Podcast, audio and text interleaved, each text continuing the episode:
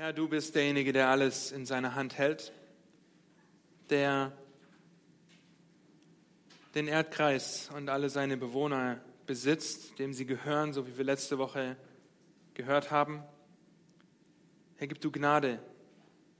Herr, gib du Demut, dass wir auf das hören, was dein Wort sagt, dass wir aber auch bereit sind, uns ermahnen oder ermutigen zu lassen, uns anspornen zu lassen zu Liebe und zu guten Werken. Und so gebrauch du dein Wort in meinem Leben, im Leben der Geschwister, wenn wir es gemeinsam betrachten, Herr. Amen. Einige von euch wissen, dass mein Vater eine Firma hat. Eine Firma, die kleine Glasfläschchen für Arzneimittel hergestellt hat. Und so hatte ich als Jugendlicher immer wieder die Möglichkeit, in den Ferien etwas Geld dazu zu verdienen in dieser Firma. Es werden Glasfläschchen hergestellt, das heißt, es wird mit Gas und mit Sauerstoff gearbeitet, um das Glas durch eine Flamme auf ca. 1500 Grad zu erhitzen, damit man es logischerweise in die gewünschte Form bringen kann. Denn aus einer 1,5 Meter langen Glasstange Nasenspray irgendwie in die Nase zu bekommen, ist etwas schwierig. Nun, ich erinnere mich dass ich die ersten Male, als ich dort angefangen habe, als Ferienjobber quasi zu arbeiten, lediglich in der Schlosserei stand, um mit der Stahlbürste irgendwelche Teile sauber zu machen. Ja? Irgendwann durfte ich auch mit den Maschinen arbeiten, aber lediglich um diese 1,5, 1,6 Meter langen Glasstangen in das dafür vorgesehene Gestell zu packen, damit die Maschine auch etwas zu tun hat. Ich durfte weder Blockaden lösen, wenn sich Glas irgendwo verklebt hat, noch die Maschine anschalten oder Flaschen stichprobenartig prüfen. Bis eines Tages der K kam. Oh, ihr Lieben, als es mir anvertraut wurde, eine Maschine nicht in Flammen zu setzen, aber zu entflammen, damit sie arbeiten kann, den Gas- und Sauerstoffhahn aufzudrehen, die Flammen zu entzünden und meine eigene Maschine zu haben, die ich bedienen darf. Der Berliner würde sagen, ich war stolz wie Bolle. Bei uns in Bayern haben wir gesagt, stolz wie Oscar. Ja, aus einer Maschine sind nach einer Zeit vier Maschinen geworden. Mehr ist aber nie geworden. Das ist aber auch nicht schlimm. Und so durfte ich lernen, was es heißt, den Docht zu schmieren. Ihr dürft auf mich zukommen, wenn euch das interessiert. Was es heißt, den Notausschalter zu betätigen, wenn Glas in der Maschine verklebt. Was es heißt, sich zu schneiden und zu verbrennen. Mir wurden vier Maschinen anvertraut, die ich bedienen durfte. Und hätte ich einen groben Fehler gemacht, wenn mit Gas und Sauerstoff gearbeitet wird, hätte das dazu führen können, dass die ganze Firma in die Luft fliegt. Also ergibt es nur Sinn, dass ich am Anfang nur irgendwelche Teile mit der Stahlbürste sauber gemacht habe, danach langsam rangeführt wurde. Aber es war ein Privileg für mich, diese Verantwortung zu tragen, dafür zu sorgen, dass die Maschinen Fläschchen produzieren, die die Firma dann verkauft, um Geld zu verdienen, damit ich und die anderen Arbeiter bezahlt werden konnte. Nun, jetzt mag dein Vater vielleicht keine Firma gehabt haben, wo du als Jugendlicher Ferienjob machen konntest, aber du erinnerst dich ganz bestimmt an Geschichten und Ereignisse aus deinem Leben, wo dir etwas anvertraut wurde und du stolz wie Bolle warst. Und so haben wir letzte Woche damit begonnen, uns mit treuer Verwalterschaft zu beschäftigen. Daniel hat uns die wunderbare Wahrheit vor Augen gehalten, dass der König kommt und dass diesem König alles gehört. Dass ihm alles gehört, dass wir in unserer Tauglichkeit erprobt werden, der zweite Teil des Psalms, und den Sieg des Königs erheben sollen. Und wir können das jetzt schon tun, tun das durch die Lieder, die wir gerade gesungen haben. Und Psalm 24 ist also eine gute Vorbereitung für das, was wir heute und in den nächsten zwei Wochen betrachten wollen. Primär werden wir uns um das Gleichnis der anvertrauten Talente in Matthäus Kapitel 25 ab Vers 14 drehen. Und ein Autor, J.C. Ryle, um genau zu sein, hat über diese Stelle in Matthäus 25 ab Vers 14 treffend gesagt, Zitat, alles, wodurch wir Gott verherrlichen können, ist ein Talent.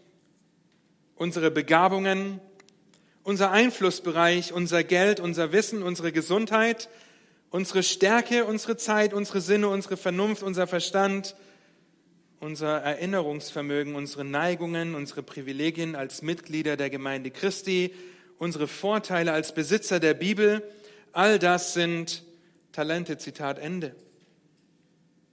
Und wenn ihr die Broschüre Treue Verwalterschaft durcharbeitet oder damit beginnt, sie durchzuarbeiten, wo wir euch gerne ermutigen möchten, falls ihr sie noch nicht habt, hinten neben der Tür liegen noch ein paar Hefte, die ihr euch mitnehmen dürft. Es soll uns einfach dabei helfen, in diesen vier Wochen begleitend darüber nachzudenken, auch während der Woche, was es heißt, ein treuer Verwalter zu sein. Und wenn ihr angefangen habt, dann habt ihr gelernt, was die Definition biblischer Verwalterschaft ist. Von Gott gegebene Verantwortung mit Rechenschaftspflicht. Das ist die Definition biblischer Verwalterschaft. Von Gott gegebene Verantwortung mit Rechenschaftspflicht. Und wir wollen uns in diesen vier Wochen, die wir letzte Woche begonnen haben, mit vier biblischen Prinzipien treuer Verwalterschaft beschäftigen. Wie lauten diese vier Prinzipien? Gott gehört alles. Daniel hat letzte Woche mit uns angeschaut. Heute wollen wir das zweite Prinzip anschauen. Gott hat mir alles, was ich besitze, er ist der Eigentümer, ich darf es verwalten, alles, was ich besitze, anvertraut.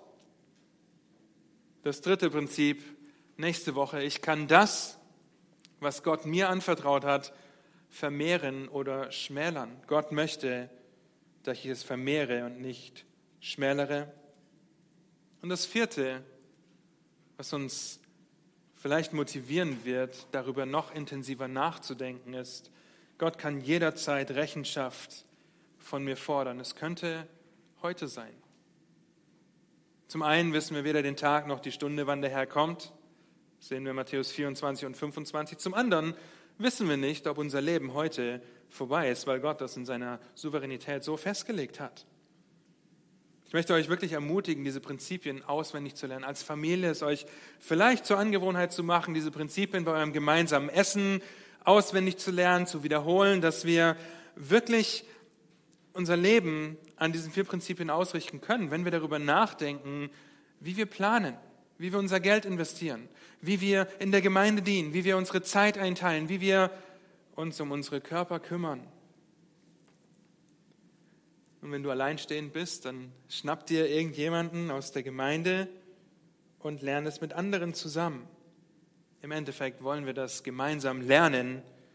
Und nach den vier Wochen werde ich euch alle nachts um zwei anrufen und euch nach den vier Prinzipien fragen und die müssen wie aus der Pistole geschossen kommen. Keine Sorge, ja, ich rufe nicht nachts um zwei an, ich rufe um drei an. Nein, egal. Ähm, ich will euch einfach ermutigen, das wirklich auswendig zu lernen, dazu eigen zu machen, im Herzen zu haben, darüber nachzudenken, weil es jeden Bereich unseres Lebens beeinflusst. Und sie auswendig zu lernen, wenn es zum Beispiel langsam vielleicht an die Planung des nächsten Jahres geht. Ja, wir haben September, schon Ende September fast, bald ist Oktober, bald ist 2021. Wie werden diese vier Prinzipien dein kommendes Jahr beeinflussen und wirst du sie berücksichtigen in der Planung. Zusätzlich will ich euch aber auch ermutigen, sie nicht nur auswendig zu lernen, sondern jeden Tag nach einer Möglichkeit Ausschau zu halten, in der ihr diese Prinzipien anwenden könnt oder wenigstens eines dieser Prinzipien. Ja, dass ihr darüber nachdenkt, oh Gott gehört das alles. Ja, und ich bin ein treuer Verwalter und ich darf das verwalten. Und vielleicht wurdest du letzte Woche ermahnt oder ermutigt, ja, oder sogar überführt. Ich weiß es nicht wenn du darüber nachgedacht hast, dass Gott alles gehört, aber bitte belass es nicht einfach nur dabei, dass es eine gute Predigt war, die dich vielleicht ein bisschen überführt hat, sondern sei ein Täter, sei ein Täter des Wortes. Und heute wollen wir unsere geistlichen Muskeln ein bisschen trainieren. Ich hoffe, ihr seid bereit dazu und uns auf das konzentrieren, dass Gott uns alles anvertraut hat, was wir haben. Alles, was wir haben. Aber bevor wir den Bibeltext gemeinsam lesen, kommen wir direkt zu der ersten von drei Lektionen, die wir uns anschauen wollen, wenn es um anvertraute Verwalterschaft geht. Denn es ist früh im Leben eines Christen oder im Christenleben generell zu wissen, wie wir Gottes Wort studieren. Ihr würdet mir zustimmen, hoffe ich. Ja, dass es wichtig ist, wie wir wissen, Gottes Wort zu studieren, wie wir die Hermeneutik anwenden, also die Prinzipien der Schriftauslegung, um einen Text zu erforschen, zu studieren.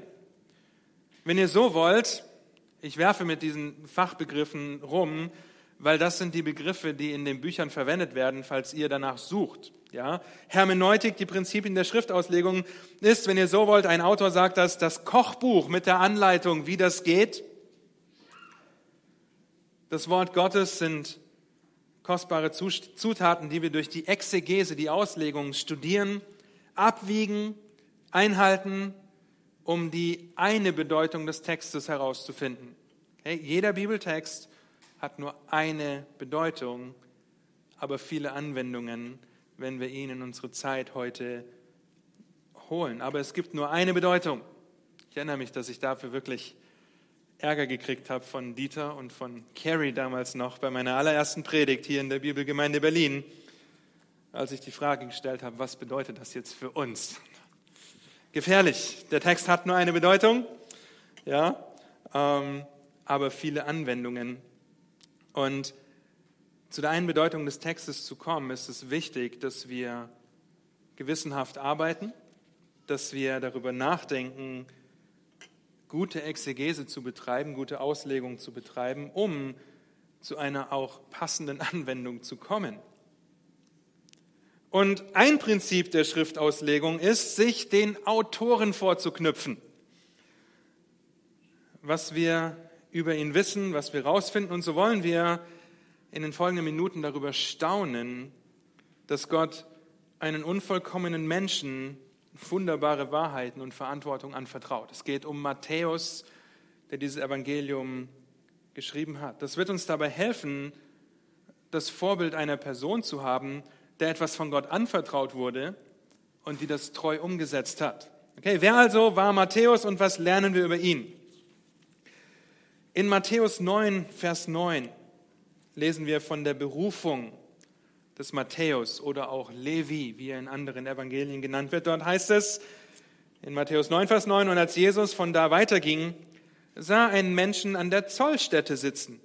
Er hieß Matthäus und er sprach zu ihm, folge mir nach. Und er, also Matthäus, stand auf und folgte ihm nach. Matthäus war ein Zöllner.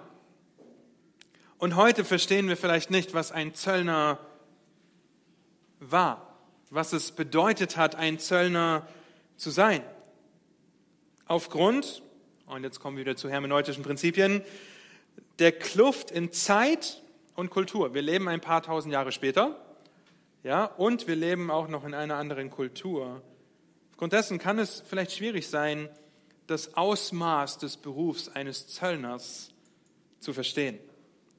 Ein Wörterbuch zur Bibel sagt Folgendes über den Zöllner. Zitat, Zöllner wurden von den Juden verachtet, weil sie davon profitierten, mit der Besatzungsmacht Rom zusammenzuarbeiten und die Juden dadurch auf legale Weise ausrauben zu können. Zöllner waren Juden, die von den Römern angeheuert wurden, um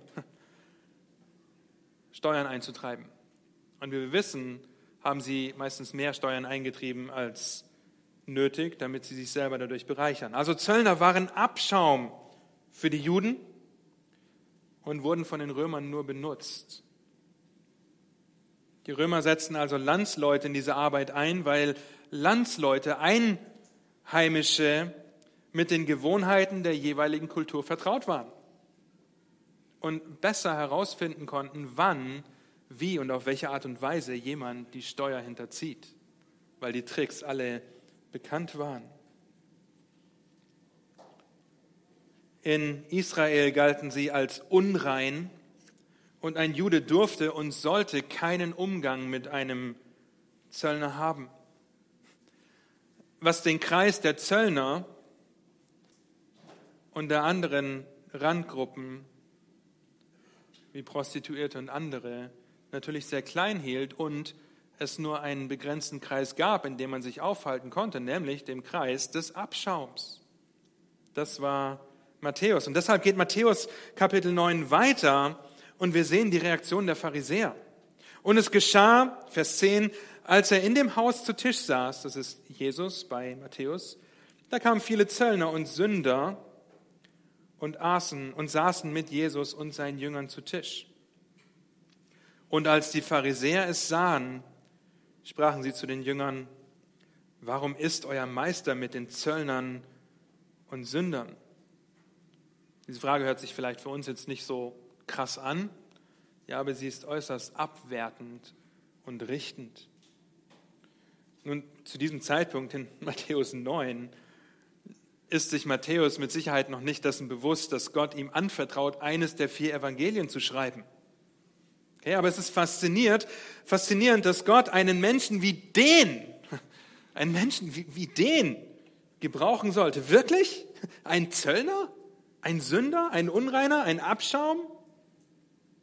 Nun, ist erstaunlich, dass, Mensch, dass Gott Menschen wie dich und mich gebrauchen sollte oder nicht. Wenn wir begriffen haben, wie verdorben wir vor Gott stehen, wie unfähig wir vor Gott stehen, auch nur irgendetwas Gutes zu tun. Wenn Matthäus in Matthäus Kapitel 25 von Verwalterschaft schreibt, dann ist er ein lebendiges Beispiel für einen der treuen Knechte, der das ihm von Gott anvertraute, zu Gottes Ehre einsetzte. Ja, und wir zehren heute noch davon. Nun versetzt euch in die Lage, dass ich, äh, ich jetzt wieder, auf einmal Maschinen bedienen durfte. Als 16- oder 17-jähriger Bengel, echt, ich darf die Maschinen bedienen? Absolut genial, darauf habe ich jahrelang gewartet. Ich habe mit Freude, Stolz und Verwunderung darauf reagiert, dass jemand auch nur ansatzweise denken könnte, dass ich Maschinen bedienen kann.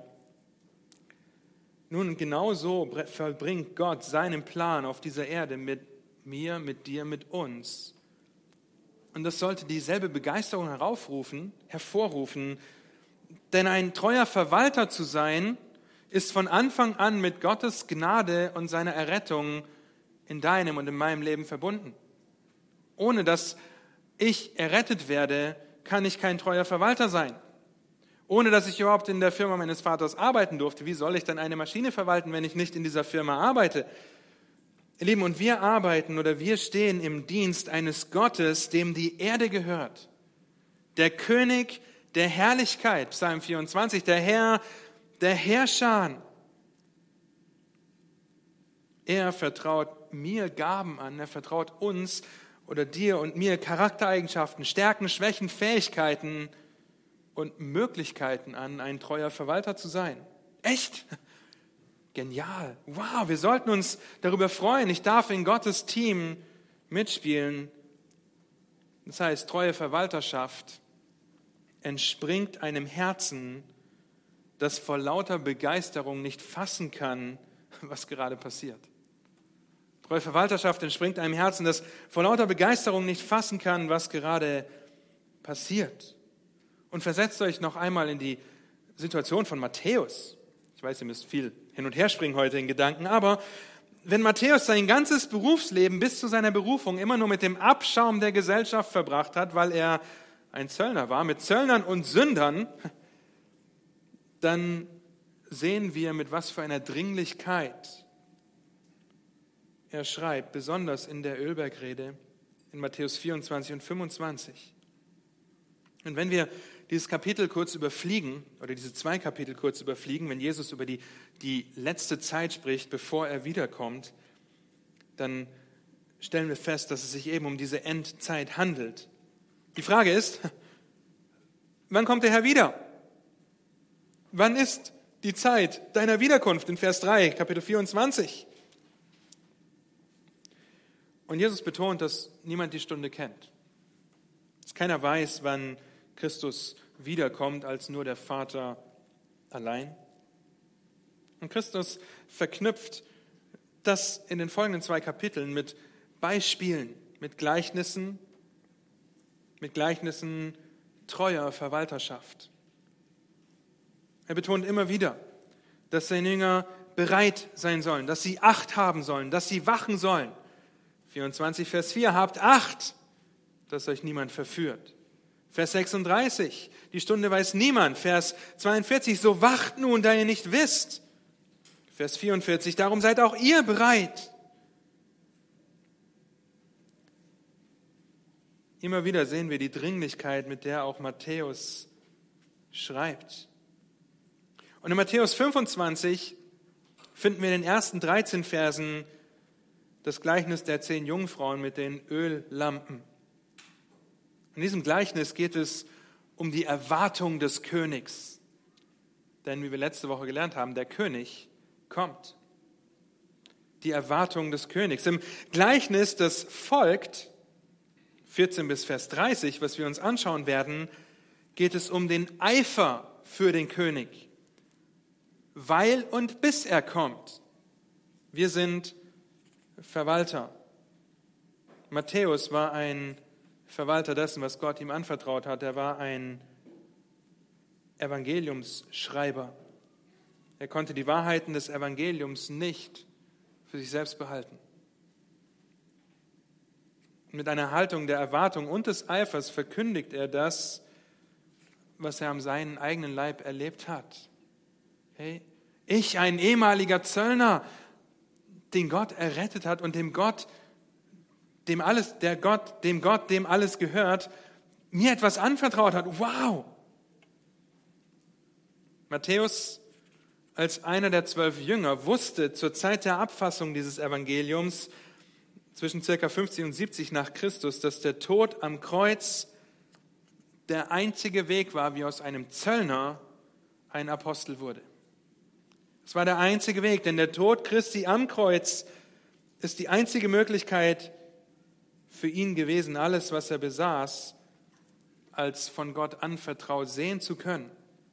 Er konzentriert sich auf das Kreuz. Wir müssen uns auf das Kreuz konzentrieren weil wir immer wieder feststellen, dass wir es aus eigener Kraft nicht können, nicht würdig sind, wenn ihr so wollt, Gottes Maschinen zu bedienen oder sich einen Platz dort zu verdienen. Es wird uns anvertraut. Stellt euch einmal vor, dass all unsere Sünden, und heute sind nicht so viele hier, aber es wird trotzdem anschaulich sein, dass all unsere Sünden in Gedanken, in Taten, die wir jemals getan haben oder die wir, sagen wir, letzte Woche getan haben, ja, dass es nicht ganz so schlimm wird, ähm, hier jetzt ausgebreitet wären. Würdest du uns irgendetwas anvertrauen, wenn du das jetzt sehen würdest alles? Es würde euch wahrscheinlich reichen, wenn meine Sünde der letzten Woche hier ausgebreitet wäre, dass ihr denkt, oh, uns sollte nichts anvertraut werden. Wenn das einen Geruch hätte, dann würde das stinken. Es würde uns wahrscheinlich abhalten davon, allein in die Nähe der Gemeinde zu kommen, weil wir denken, oh, diesen Gestank, diesen Verstank. Ich sündige nach wie vor. Ihr sündigt nach wie vor. Wenn ihr meint, dass keine Sünde mehr in euch ist, dann lügt ihr. An dem Moment, in dem ihr lügt, sündigt ihr. Spätestens dann. Und doch, und doch vertraut Gott dir und mir alle möglichen Fähigkeiten, Ressourcen und Möglichkeiten an. Warum? Weil wir so toll sind? Paulus würde jetzt sagen, das sei ferne. Okay, das sei ferne, einzig und allein auf Grundlage des Kreuzestodes unseres Herrn Jesus Christus, der für uns am Kreuz gestorben ist. Und als Pastor sehe ich euch als Geschwister, ich sehe mein Leben, ich sehe Schwächen, ich sehe Stärken, ich sehe Kämpfe, ich sehe, wo ihr oder wo ich mit Sünde kämpfe oder mit unweisen Entscheidungen, die ihre Folgen haben. Und der Gedanke, dass es nicht von mir oder von euch abhängt, ob Gott uns etwas anvertraut oder nicht, das ist so tröstlich. Okay? Dass wir hier stehen dürfen, Gottes Wort betrachten dürfen, hängt nicht damit zusammen, dass wir so toll sind, sondern weil Gott uns erlöst hast. Nun, wenn du Christus als deinen Herrn und Retter bekennst, bist du ein Kind Gottes und darfst seine Maschinen bedienen.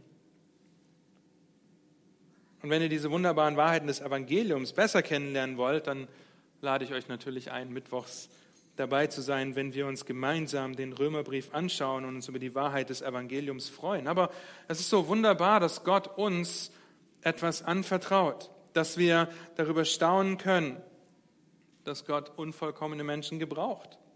Der Autor dieses Evangeliums, das uns vorliegt, das uns beschäftigen wird die nächsten Wochen, ist ein lebendiges Beispiel für das, was für ein Privileg es ist, etwas von Gott anvertraut zu bekommen. Denn Gott hat dir alles, was du besitzt, alles, was du hast, anvertraut. Und so lasst uns zu Matthäus 25 kommen und diese letzten beiden wunderbaren Lektionen lernen. Schlagt eure Bibeln auf, wenn ihr das nicht schon getan habt. Matthäus 25, ab Vers 14. Wir lesen das Gleichnis der anvertrauten Talente. Denn es ist wie bei einem Menschen, der außer Landes reisen wollte, der seine Knechte zu sich rief und ihnen seine Güte übergab. Dem einen gab er fünf Talente, dem anderen zwei, dem dritten eins, jedem nach seiner Kraft. Und er reiste ab. Da ging sogleich der hin, welcher die fünf Talente empfangen hatte, handelte mit ihnen und gewann fünf weitere Talente. Und ebenso der, welcher die zwei Talente empfangen hatte. Auch er gewann zwei weitere. Aber der, welcher das eine empfangen hatte, ging hin, grub die Erde auf und verbarg das Geld seines Herrn. Nach langer Zeit aber kommt der Herr dieser Knechte oder Sklaven und hält Abrechnung mit ihnen. Und es trat der hinzu, der die fünf Talente empfangen hatte, brachte und brachte noch weitere fünf Talente herzu und sprach, Herr, du hast mir fünf Talente übergeben, siehe, ich habe mit ihnen fünf weitere Talente gewonnen. Da sagte der Herr zu ihm, Recht so, du guter und treuer Sklave. Du bist über wenigem treu gewesen. Ich will dich über vieles setzen. Geh ein zur Freude deines Herrn. Und es trat auch der hinzu, der zwei Talente empfangen hatte und sprach, Herr, du hast mir zwei Talente übergeben. Siehe, ich habe mit ihnen zwei andere Talente gewonnen. Sein Herr sagte zu ihm, und das ist faszinierend, Recht so, du guter und treuer Sklave. Du bist über wenigem treu gewesen, ich will dich über vieles setzen. Geh ein zur Freude deines Herrn. Zweimal die gleiche Antwort. Vers 24. Da trat auch der hinzu, der das eine Talent empfangen hat und sprach, Herr, ich kannte dich, dass du ein harter Mann bist Du erntest, wo du nicht gesät und sammelst, wo du nicht ausgestreut hast. Und ich fürchtete mich, ging hin und verbarg dein Talent in der Erde. Siehe, da hast du das deine. Aber sein Herr antwortete und sprach zu ihm, du böser und fauler Sklave, wusstest du, dass ich ernte, wo ich nicht gesät und sammle, wo ich nicht ausgestreut habe? Dann hättest du mein Geld Wechsel anbringen können, so hätte ich bei meinem Kommen das meine mit Zinsen zurückgehalten. Darum nehmt ihm das Talent weg und gebt es dem, der zehn hat. Denn wer hat, dem wird gegeben werden, damit er Überfluss hat. Von dem aber, der nicht hat, wird auch das genommen, was er hat. Und den unnützen Knecht werft, in das, werft aus in die äußerste Finsternis. Dort wird Heulen und Zähneknirschen sein. Bis hierher. Nun, wenn wir uns heute und nächste Woche mit diesem Gleichnis beschäftigen, dann werden wir uns heute darauf konzentrieren, dass Gott derjenige ist, der uns alles, was wir besitzen, anvertraut. Das Privileg, etwas anvertraut zu bekommen, hängt nicht zuletzt von dem ab, der es uns anvertraut. Die zweite Lektion, dass wir auf den guten Charakter unseres Herrn eingestimmt sind, eingestimmt werden. Warum erzählt Jesus dieses Gleichnis? Warum gibt es überhaupt Gleichnisse? Nun, bestimmt nicht nur, dass wir sie in den Kinderstunden lesen, uns darüber freuen, sie irgendwo im Hinterstübchen ablegen und nach einer Woche wieder vergessen. Gleichnisse sind gegeben, damit wir Wahrheiten verstehen und anwenden können. Sie sind aber auch gegeben, damit die unerrettete Zuhörerschaft nicht versteht, worum es geht. Wobei wir sagen würden, bei diesem Gleichnis ist es sehr, sehr deutlich. Dieses Gleichnis dreht sich nicht um Geld. Okay, es dreht sich nicht um die Talente. Das sehen wir in den Reaktionen des Herrn. Gott vertraut uns sein Wort, das die Gleichnisse beinhaltet, an, damit wir verstehen, dass es hier in Matthäus 25 um Treue, um Treue über den Umgang mit dem geht, was Gott uns anvertraut hat, bis er wiederkommt oder wir zu ihm gehen. Kommen wir zu dem Herrn in diesem Gleichnis. Okay? Er kann jedem seiner Knechte etwas anvertrauen. Insgesamt acht Talente. Und wenn ihr als Kind das Vorrecht hattet, in einer Kinderstunde zu sein, erinnert euch vielleicht, wenn diese Geschichte erzählt wurde, dass drei Kindern, dem einen wurden fünf Münzen gegeben, dem nächsten zwei und dem dritten nur eine. Ich habe es immer bereut, wenn ich der dritte Sklave sein musste, aber so war das manchmal. Und das trifft nicht im Ansatz das, worum es in diesem Gleichnis geht, und nicht im Ansatz das, dass wir den Reichtum des Herrn verstehen. Um den Reichtum zu verstehen, den der Herr in diesem Gleichnis hat, müssen wir verstehen, was ein Talent ist. Okay? Ein Talent ist eine Gewichtsangabe. Es ist kein Geld wert, es ist Gewicht. Ein Talent sind circa 30 bis 40 Kilo. Okay? Ein Talent, circa 30 bis 40 Kilo. Wer von euch wiegt 30 bis 40 Kilo? Okay, ihr könnt später mit Jonathan schauen, wie schwer ein Talent ist. Eins. Okay, der erste Sklave kriegt fünf davon. Ja, in Vers 18 sehen wir aber auch, dass es sich um Geld handelt und das griechische Wort, was hier für Geld benutzt wird, wurde für Silbermünzen verwendet. Das heißt, ein Talent waren 30 bis 40 Kilo Silber. Okay? Ich hatte einmal bei UPS ein Paket mit 25 Kilo Silber und das hatte vielleicht die Größe. Ja, aber das waren auch Silberbarren und keine Geldmünzen. Das heißt, es waren beträchtliche Summen, die der Herr hier ins Spiel bringt.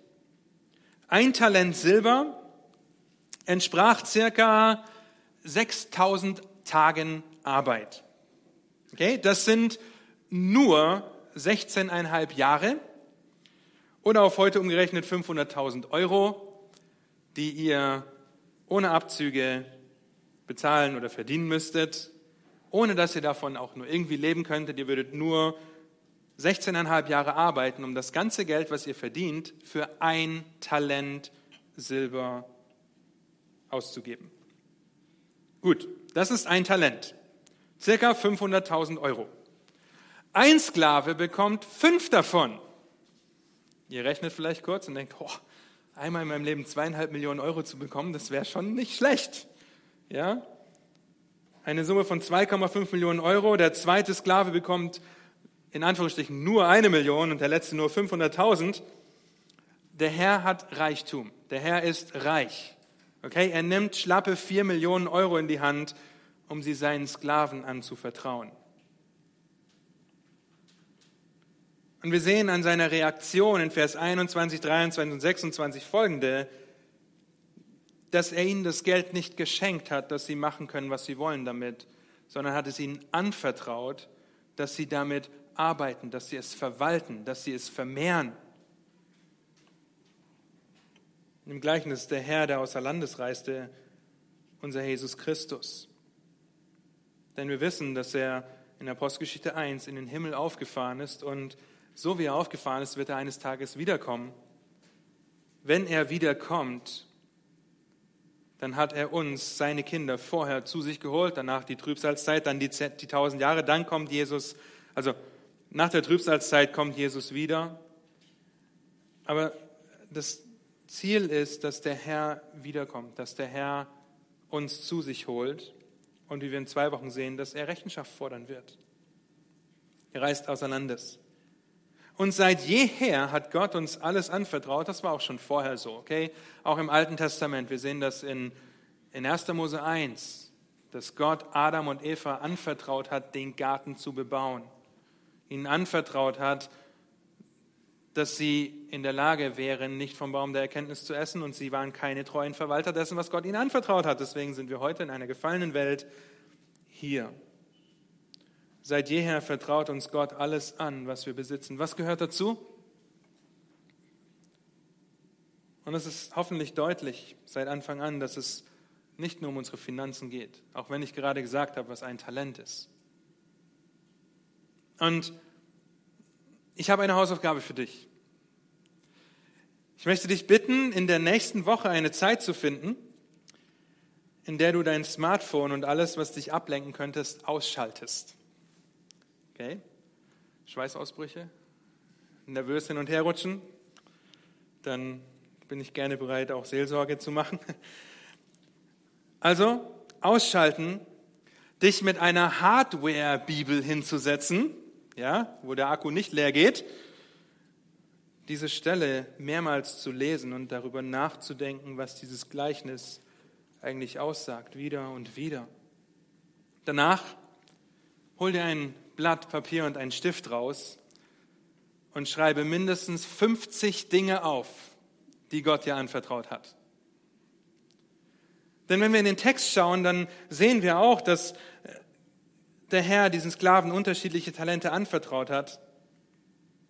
Aber nochmal, das ist nicht der Punkt, wie viel, sondern was sie damit tun. Denn jedem, laut Vers 2, äh, laut Vers 15 wurde nach seiner Kraft gegeben. Die Frage ist, was hat Gott dir anvertraut? Und dann sagst du vielleicht, 50 Dinge? Wie soll ich das schaffen? Nun, eine kleine Starthilfe, okay? Mit der du sicherlich einfach auf 50 Dinge kommst, die Gott dir anvertraut hat. Du kannst damit anfangen, darüber nachzudenken, was Gott dir als Person anvertraut hat. Was meine ich damit? Nun, wir sehen, dass wir im Bild Gottes geschaffen sind. Das heißt, Gott hat uns anvertraut, dass wir seine Aussprüche verstehen können. Ja, dass wir einen Verstand haben. Das bedeutet auch, dass er uns einen Körper anvertraut hat. Dass er uns Augen anvertraut hat, mit denen wir schauen. Bin ich ein treuer Verwalter meiner Augen? Was schaue ich mir an? Er hat uns Füße gegeben, die das Evangelium verkündigen sollen. Er hat uns Hände gegeben, mit denen wir arbeiten sollen. Er hat uns einen Herzschlag gegeben. Ihr Lieben, er hat uns Schmerzen und Leid gegeben. Das alles hat Gott uns anvertraut. Und das ist nur der Anfang, ja, wenn wir über unsere Person als Geschöpf nachdenken. Du könntest als nächstes zu den Beziehungen übergehen, die du hast. Sie sind dir von Gott anvertraut. Alles. Kinder, Ehepartner, Eltern, Arbeitskollegen, Nachbarn und so weiter. Alles. Das beschließt auch die, das schließt auch die nicht so komfortablen Dinge im Leben mit ein, wie Krankheit oder Schmerz oder schwierige Beziehungen, ja, die wir alle bestimmt haben oder es gibt vielleicht Tage, da ist die Beziehung noch schwieriger, weil dein Kind vielleicht noch ungehorsamer ist als sonst. Aber wir alle erleben Krankheit, Schmerz, schwierige Beziehungen. Aber wir können wissen, weil wir Gottes Wort haben und an anderen Stellen lesen, dass Gott alles zulässt, was in unserem Leben geschieht, dass er uns das alles anvertraut. 50 Dinge. In den Versen 37 bis 40 seht ihr weitere Möglichkeiten treuer Verwalterschaft. Da heißt es, ich lese ab Vers 38, ja, in Kapitel 25. Dann werden ihm die Gerechten antworten und sagen, Herr, wann haben wir dich hungrig gesehen und haben dich gespeist oder durstig und haben dir zu trinken gegeben? Wann haben wir dich als Fremdling gesehen und haben dich beherbergt oder ohne Kleidung und haben dich bekleidet? Wann haben wir dich krank gesehen oder im Gefängnis und sind zu dir gekommen?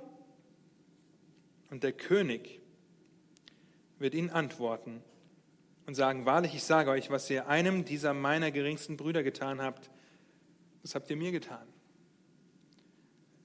Ihr kommt schnell auf mindestens 40 Dinge. Okay? Wenn ihr euch die Zeit nehmt, um darüber nachzudenken, was euch als Person angeht und was die Umstände, in denen ihr euch befindet und die Beziehungen angeht. Bist du ein treuer Verwalter? Nun, wenn wir uns die Reaktion der drei Sklaven anschauen, dann sehen wir den Unterschied. Denn wie wir auf diese Wahrheit reagieren, sagt viel über unsere Beziehung zum Herrn aus oder nicht. Ja, es ist wichtig, das kleine Wort sofort an die richtige Stelle zu setzen. Okay, wenn ihr die Schlachter 2000 lest, auch die Elberfelder, dann seht ihr in Vers 15, dass der Herr sogleich abreiste, sofort abreiste. Ja, in der griechischen Konstruktion steht sofort, auch wie hier, ganz am Ende dieses Verses, aber was interessant ist, es steht nach einem Punkt. Okay, also der Herr reiste ab, Punkt, sofort. Und ich habe es leider nicht herausgefunden, warum die Schlachter oder auch die Elberfelder sich entscheidet, dieses sogleich auf den Herrn zu beziehen, weil es ergibt sehr viel mehr Sinn, das Vers 16 zuzuordnen, wie es die Luther macht, auch die Menge, ja, wie es eigentlich jede englische Übersetzung macht. Und das ergibt sehr viel mehr Sinn. Die Reaktion der Sklaven zu sehen, die sofort losgelegt haben, die nicht gezögert haben, das ihnen anvertraute auf der Stelle für ihren Herrn zu investieren. Okay? Also es müsste heißen in Vers 15, und er reiste ab. Und dieses sogleich gehört zu Vers 16. Da ging sogleich der hin, welcher fünf Talente hatte. Und wir sehen, dass der zweite Sklave in Vers 17 es ebenso, genauso getan hat. Nächste Woche werden wir mehr darüber nachdenken. Nun, welche Erwartungen hat der Herr? Und was sehen wir über den Umgang des Herrn mit den Sklaven? Recht so, sagt er in Vers 21 und 23, du bist über wenigem treu gewesen, nur schlappe 2,5 Millionen.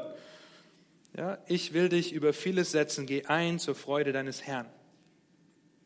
Wir nehmen das eine warmherzige, freundliche, gesunde Beziehung, die der Herr zu seinen Sklaven hat. Gut gemacht oder recht so ist das größte Lob, was man geben konnte. Ja, es ist das, was du deinem Kind sagst, wenn es lernt, seinen Reißverschluss selber zuzumachen. Wow! Ganz alleine geschafft? Wunderbar, klasse! Ja, vielleicht auch ein bisschen aus Selbstsucht, weil du das jetzt nicht mehr machen musst, aber hier der Herr natürlich nicht aus Selbstsucht. Ihr Lieben, aber versteht das, der Herr hatte Freude an seinen Sklaven, die treu waren. Gott ist der gute Herr, der viel anvertraut.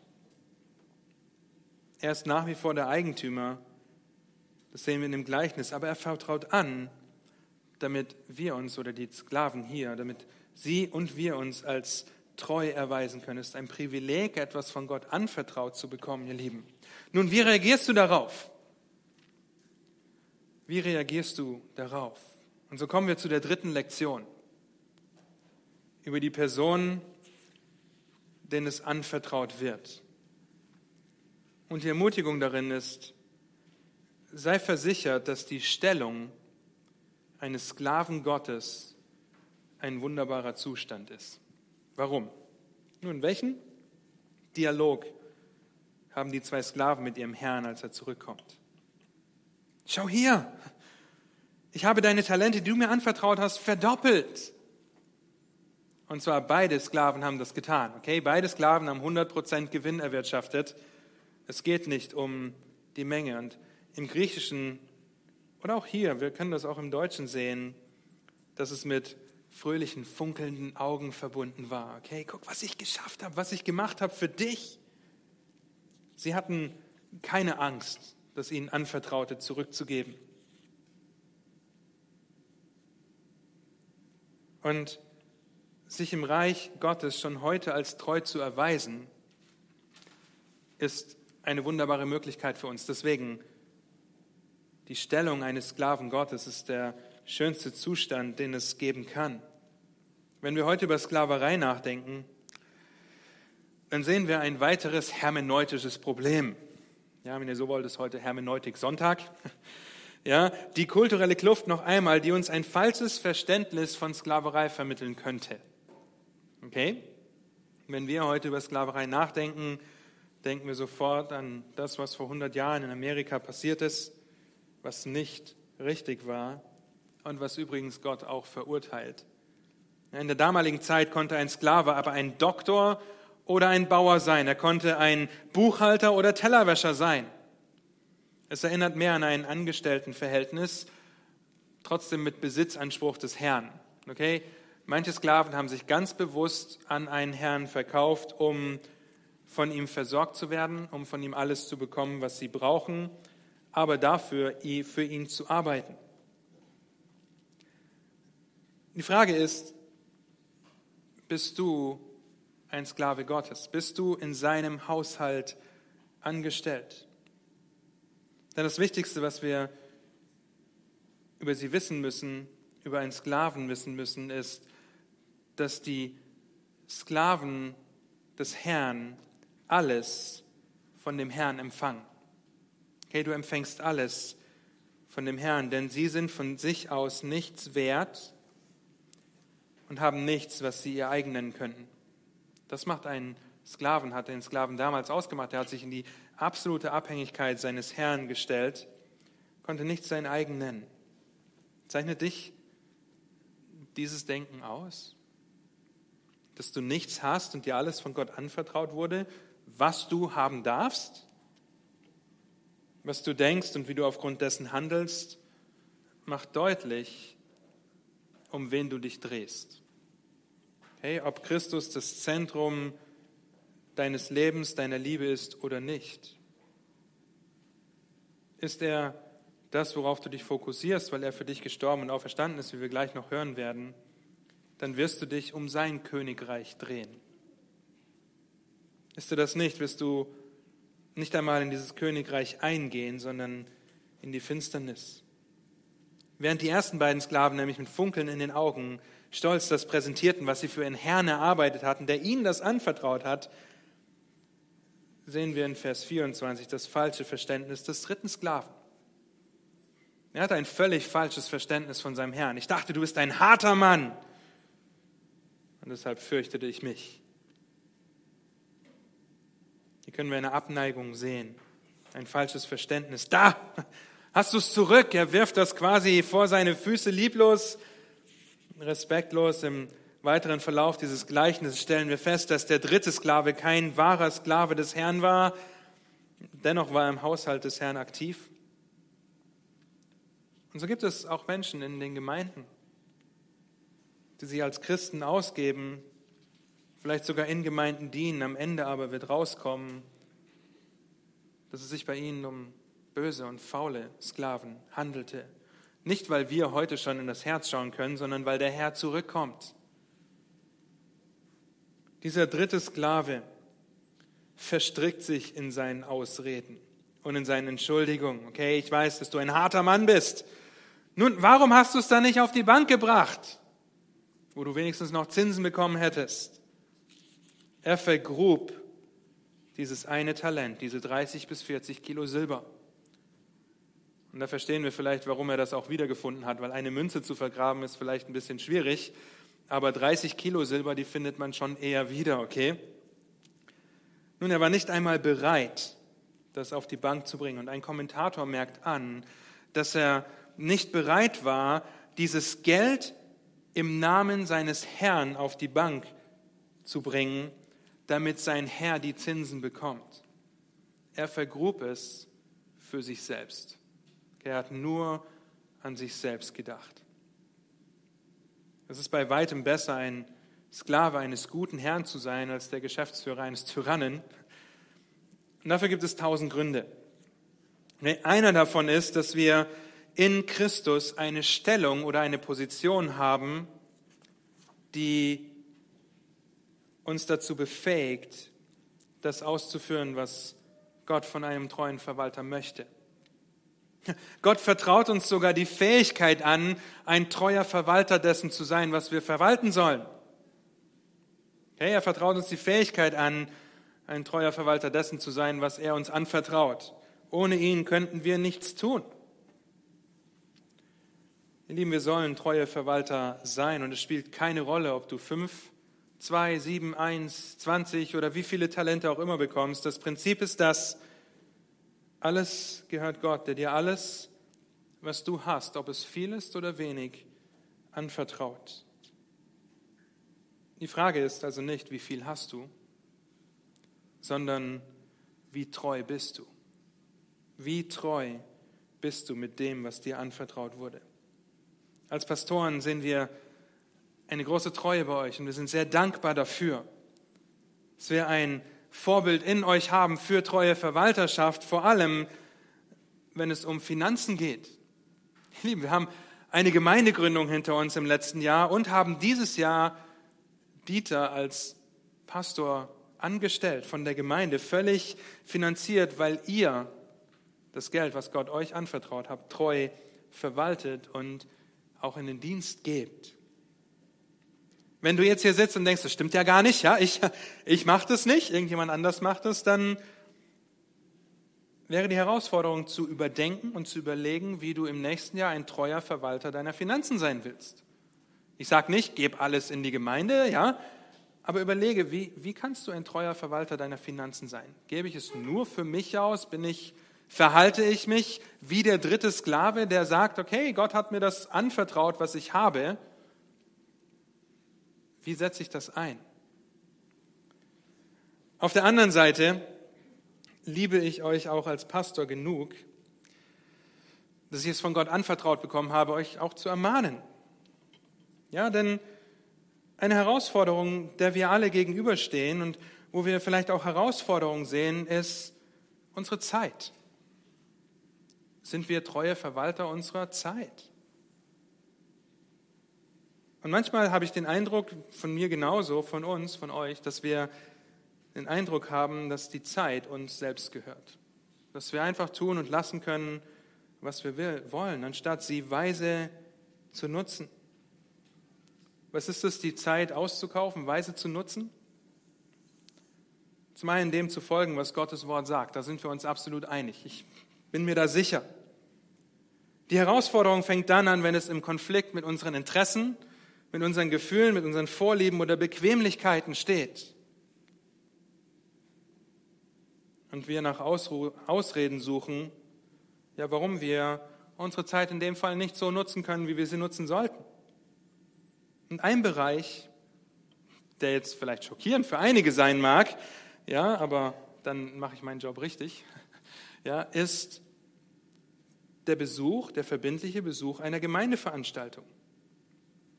Ihr Lieben, und ich sage das nicht, weil ich jeden Mittwoch durch den Römerbrief predige und denke, ah, ich hätte gern, dass mehr Leute da sind. Nein, ich sage das, weil eure Ältesten sich Gedanken darüber gemacht haben, wie wir die Gemeinde zurüsten, wie wir euch voranbringen, wie wir euch zurüsten. Und wenn wir in die Schrift schauen, dann ist die Bibel sehr deutlich, dass wir die Versammlung nicht verlassen sollen.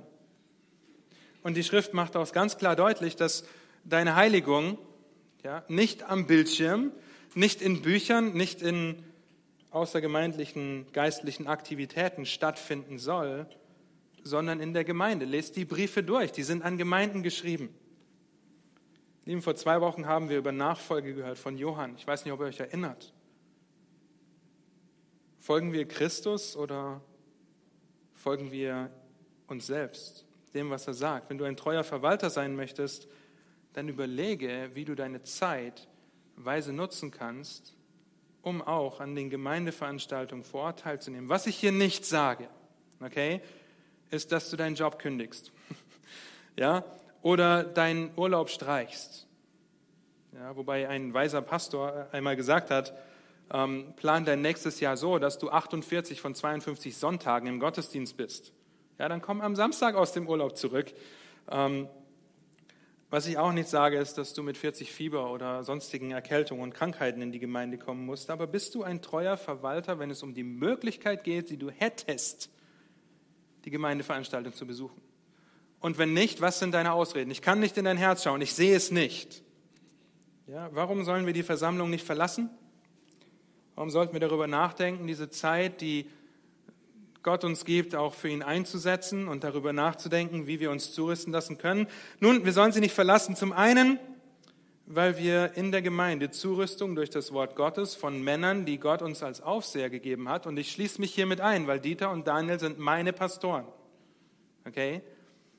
Zurüstung durch sie zu erfahren. Und der andere Grund, warum wir die Versammlung nicht verlassen sollen, sitzt rechts und links neben euch. Okay? Und das mag sich jetzt etwas plump oder wild anhören. Gott hat dir deine Geschwister anvertraut und er sagt in Epheser 4 ganz deutlich, dass wir einander anspornen, das ist Hebräer, aber auch im Epheser 4, dass wir uns gegenseitig zu geistlichem Wachstum helfen. Okay, zum, zur Auferbauung seiner selbst in Liebe. Wie soll das möglich sein, wenn du nicht hier bist, wenn die Türen der Gemeinde offen sind? Nun, wenn du jetzt mit geistig verschränkten Armen hier sitzt oder im Livestream sitzt, ich weiß nicht, welche Kamera gerade aktiv ist, ja, und vor dich hingrummelst und versuchst dich zu rechtfertigen, dann prüfe dich, weil dann habe ich wahrscheinlich alles richtig gemacht. So hart das klingt. Gott hat mir anvertraut, auch ein euer Hirte zu sein. Wenn du den Wunsch hast, dich zu rechtfertigen, ich bin offen, ich habe ein offenes Ohr. Ich sage nicht, okay, ja, das gilt für alle. Es, Ausnahmen bestätigen die Regel, aber im Großen und Ganzen ist das, was die Schrift sagt. Ich könnte dieselbe Ermahnung in Bezug auf dein Lesen der Bibel geben. Ja, am Morgen, wenn du aufstehst, wenn du am Abend lieber bis 22.30 Uhr irgendeine Netflix-Serie guckst und dann am Morgen aber nicht bereit bist, 30 Minuten früher aufzustehen, um Gottes Wort zu lesen, die Aussprüche deines Herrn, die dir anvertraut wurden. Geistliches Wachstum ist manchmal mit Wachstumsschmerzen, mit Übung und Opfer verbunden. Ich verstehe das. Ja, aber denk bitte daran, dass der Herr dir alles anvertraut hat. Das schließt deine Zeit mit ein. Dass er aber nicht derjenige ist, vor dem wir uns fürchten müssen. Ja, ich weiß, dass du ein harter Herr bist, auf keinen Fall. Sein Joch ist sanft, seine Last ist leicht. Sein Joch ist leicht, seine Saft, sa, sein Joch ist leicht und seine Last ist sanft. Ihr Lieben, wir haben einen guten, gnädigen und barmherzigen Herr, der die Gemeinde gegeben hat, damit wir geistlich wachsen. Vielleicht bist du überführt von dem Ganzen, was wir jetzt behandelt haben. Dann tue Buße, denn der Herr wird bereitwillig vergeben, weil er uns, für uns schon am Kreuz bezahlt hat und gehe treu mit dem um, was er dir anvertraut hat. Ja, welcher Bereich dieser 50 Punkte das gerade bei dir ist, das darfst du finden. Vielleicht bist du aber auch grundsätzlich der dritte Sklave der gleichgültig und gottlos mit dem umgeht, was Gott anvertraut hat. Denn letztendlich, was gehört dem Herrn?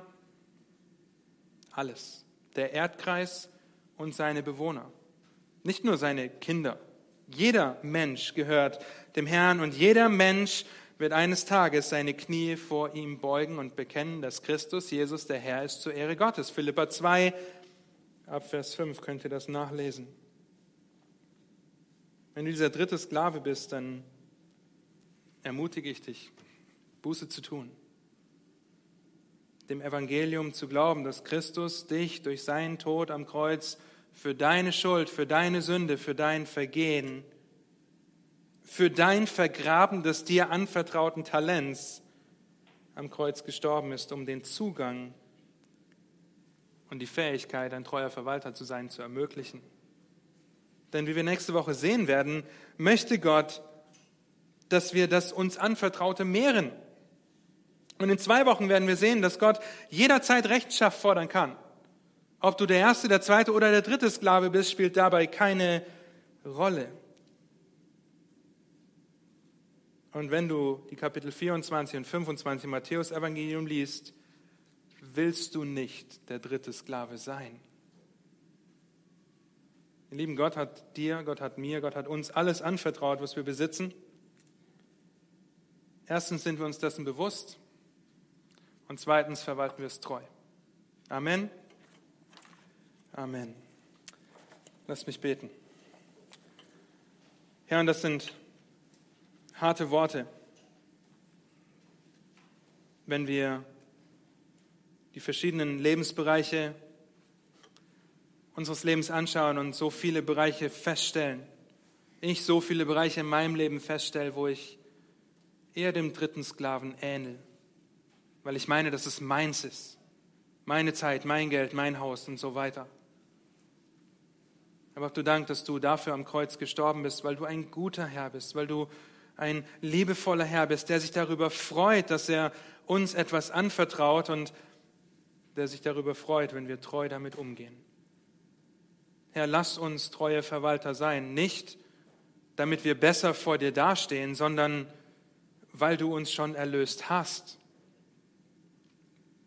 Gib dir auch Gnade, dass wir uns selbst prüfen,